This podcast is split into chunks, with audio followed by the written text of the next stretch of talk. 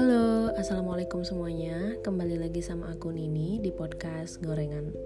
Sebelumnya aku mau minta maaf banget karena aku udah skip update episode baru untuk minggu lalu karena uh, aku minggu lalu tuh sakit dan benar-benar full bed rest.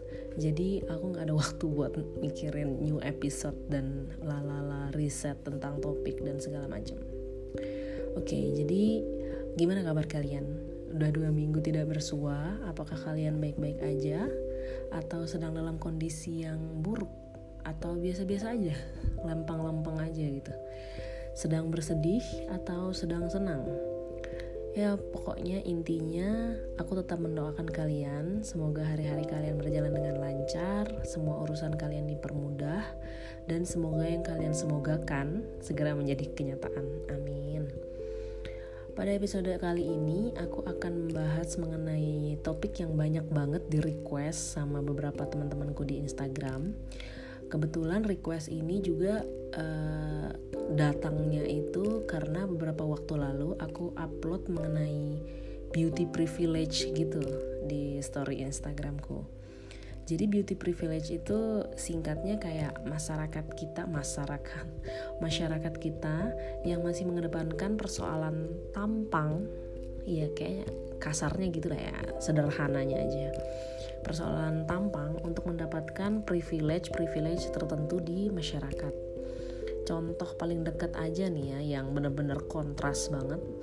Sebulanan yang lalu, sebulanan atau lebih gitu ya viral seorang penjual tahu goreng crispy di Jakarta yang notabene-nya cantik banget dan lulusan S2 gitu.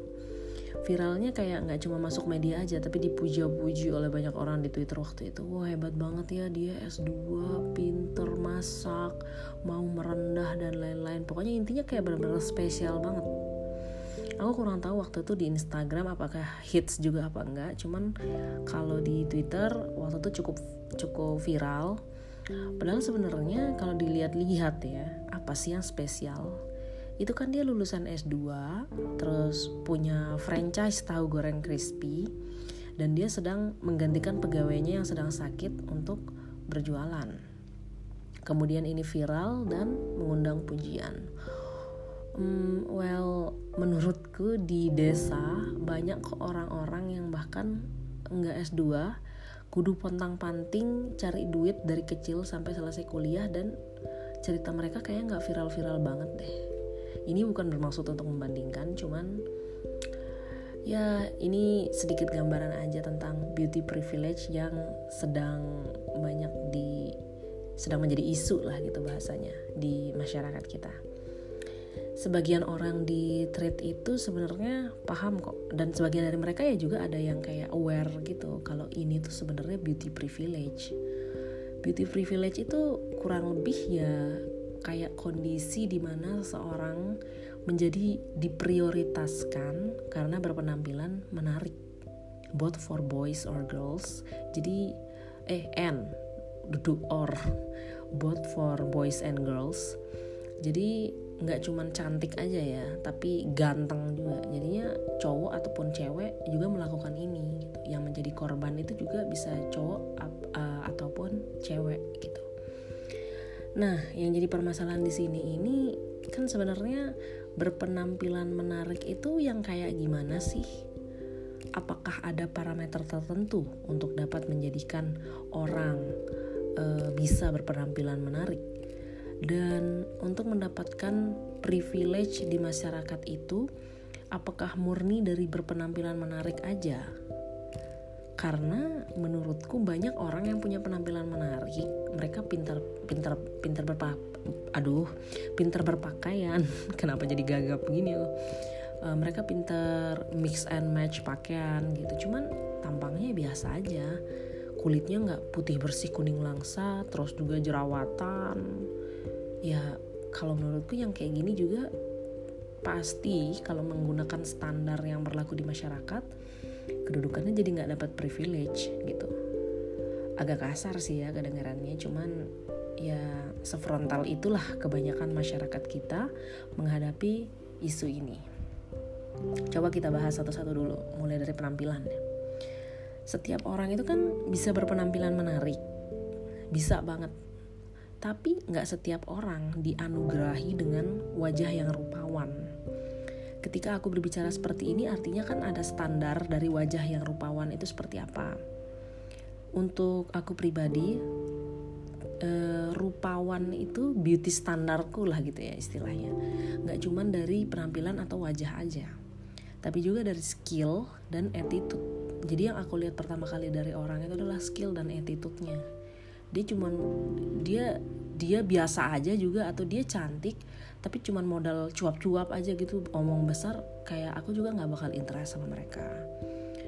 Terus kayak zaman sekarang juga gampang banget kan untuk menemukan seribu orang cantik dan orang ganteng. Tapi ketika mereka nggak punya skill atau bahkan mereka punya skill atau nggak punya attitude tapi nggak punya attitude gitu intinya cuman punya skill doang itu aku juga jadi kayak nggak menarik gitu aku pernah ketemu orang yang dia tuh kayak menurutku perfecto walaupun nggak ada sih orang yang sempurna ya. Cuma menurutku di luar kekurangannya yang aku tidak ketahui orang ini menurutku sangat-sangat uh, cantik gitu.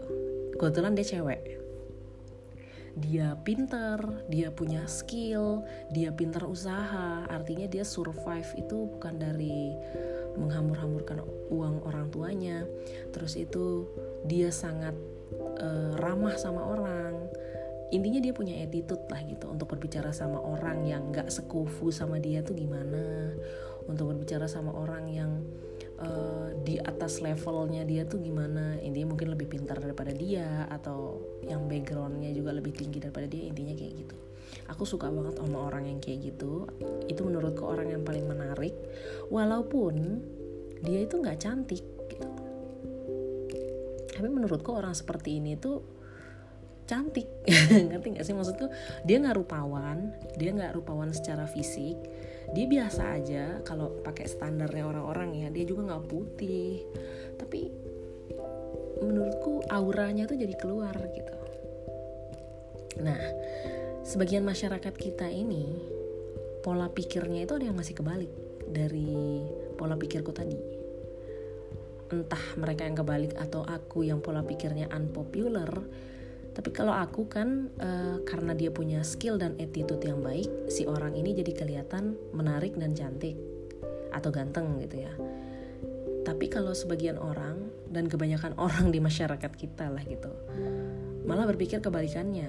Oleh karena si seorang ini, si seorang, si seseorang ini cantik atau ganteng, dia jadi kelihatan pintar punya skill hebat bravo per, bravo bravo perfecto dan sebagainya. Gitu. Jadi kayak kebalik gitu. Standar atau yang juga disebut dengan beauty standar yang udah aku sebut-sebut dari tadi setiap orang tuh tentu mempunyai standar yang berbeda-beda. Kayak aku kan tadi standarnya udah aku jelasin tapi standar yang aku pikirin maksudnya uh, perspektifku ini kayaknya cuma satu di antara seribu orang. Jadi kalau ada tujuh ribu orang tuh cuman ada tujuh orang yang mikir kayak aku. Sisanya ya standar itu masih kayak putih bersih flawless tinggi langsing. Intinya punya body goals terus belum lagi ada tambahan barangnya branded semua dan sebagainya.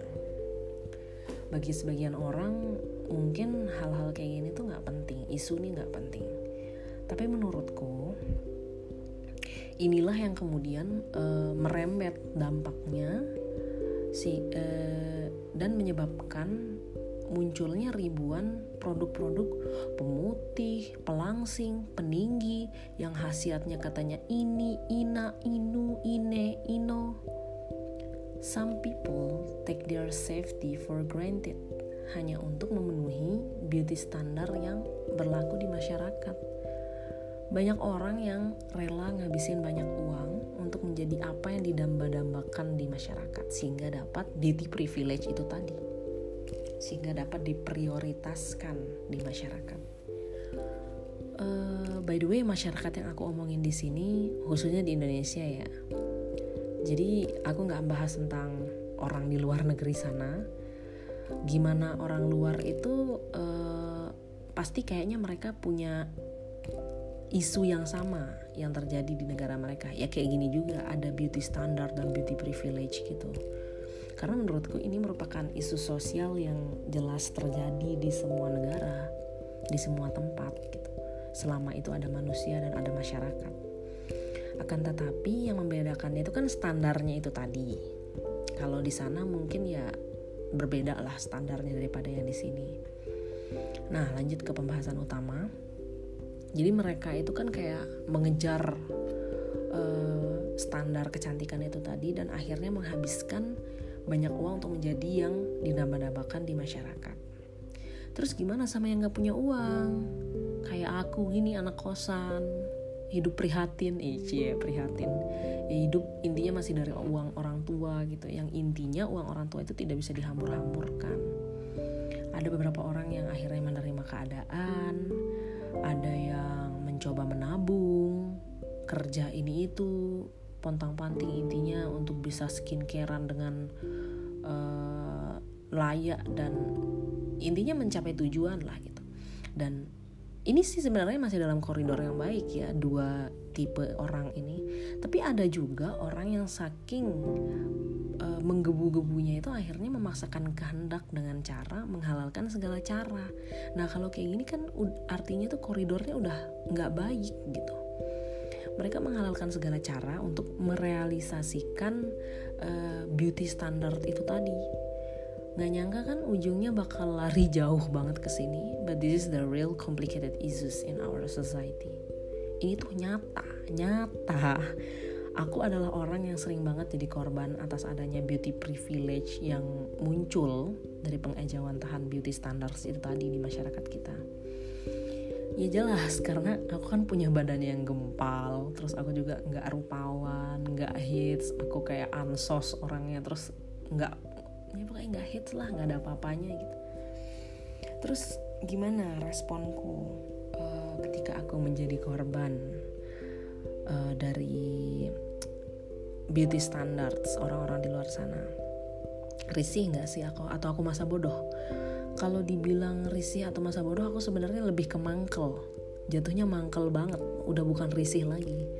Aku pernah merasakan secara jelas gimana menjadi kaum yang dimarginalkan ya bahasanya dimarginalkan ya intinya menjadi orang yang didiskriminasi karena nggak punya wajah yang rupawan dan berasal dari background pendidikan serta keluarga yang biasa-biasa aja gitu. Waktu itu aku didiskriminasinya dengan temanku yang menurut standar kecantikan masyarakat kita itu udah yang paling super cantik dan have no flaws. Mereka, dia super kaya dan calon dokter, dia anak kedokteran gitu kan. Apa-apa tuh intinya dia yang duluan diprioritasin. Padahal yang lebih banyak kerja atau bahkan yang uh, lebih banyak uh, take apart lah gitu tuh aku bukan bukan aku iri dengki ya cuman itu kayak kontra banget gitu. Dia tuh kayak leye-leye gini tapi tiba-tiba eh ini nak ini nak gitu. Sedangkan aku dan teman-temanku yang udah pontang panting tuh kayak ah ya nanti nanti kalau diingat alhamdulillah. Kalau enggak ya ya udah gitu. Aku mau marah masalahnya ini bukan tempat untuk marah tapi kalau nggak marah juga kayak ngempet-ngempet sendiri menurutku hal-hal yang kayak gini tuh kan udah toksik banget ya. Toksik banget untuk terus dibiarkan tumbuh di tengah-tengah kita semua. Setiap orang tuh jadi kayak fokus untuk berlomba-lomba untuk memenuhi standar kecantikan yang berlaku. Dan akhirnya kita semua ini lupa memperhatikan hal-hal yang memang seharusnya untuk diperhatikan. Seperti skill dan attitude mungkin yang udah tadi aku omongin terus um, apakah kita lupa sama yang namanya setiap orang itu pasti punya kekurangan pasti punya kelebihan. Apakah kita juga lupa bahwa ada banyak hal yang lebih penting untuk diperbaiki dibanding penampilan? Well mungkin uh, penampilan itu penting juga. Cuman kayak misalnya uh, dalam perkuliahan misalnya dalam perkuliahan dibanding untuk berlomba-lomba menjadi cantik kenapa kita tidak berlomba-lomba untuk menjadi yang outstanding gitu di kelas? Untuk menjadi anak yang uh, punya skor bagus untuk menjadi anak yang intinya ya lebih penting untuk diprioritaskan.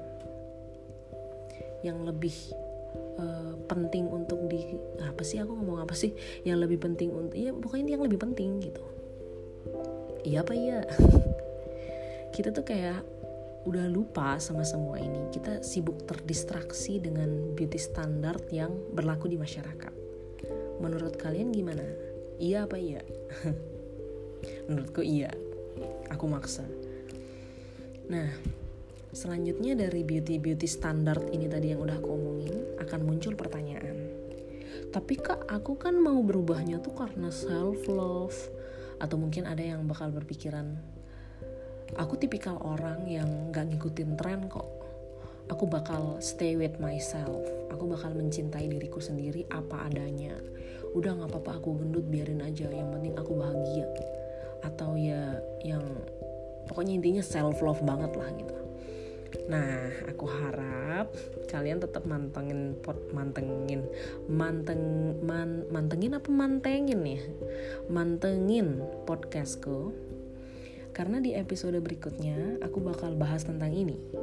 Aku nggak mau jadiin satu karena bakal jadi panjang banget dan kalian nggak mungkin betah dengerin sampai berpuluh-puluh menit gitu jadi biar tetap nyambung dan uh, tetap dibahas secara komprehensif aku akan membahas tentang self love itu pada episode selanjutnya.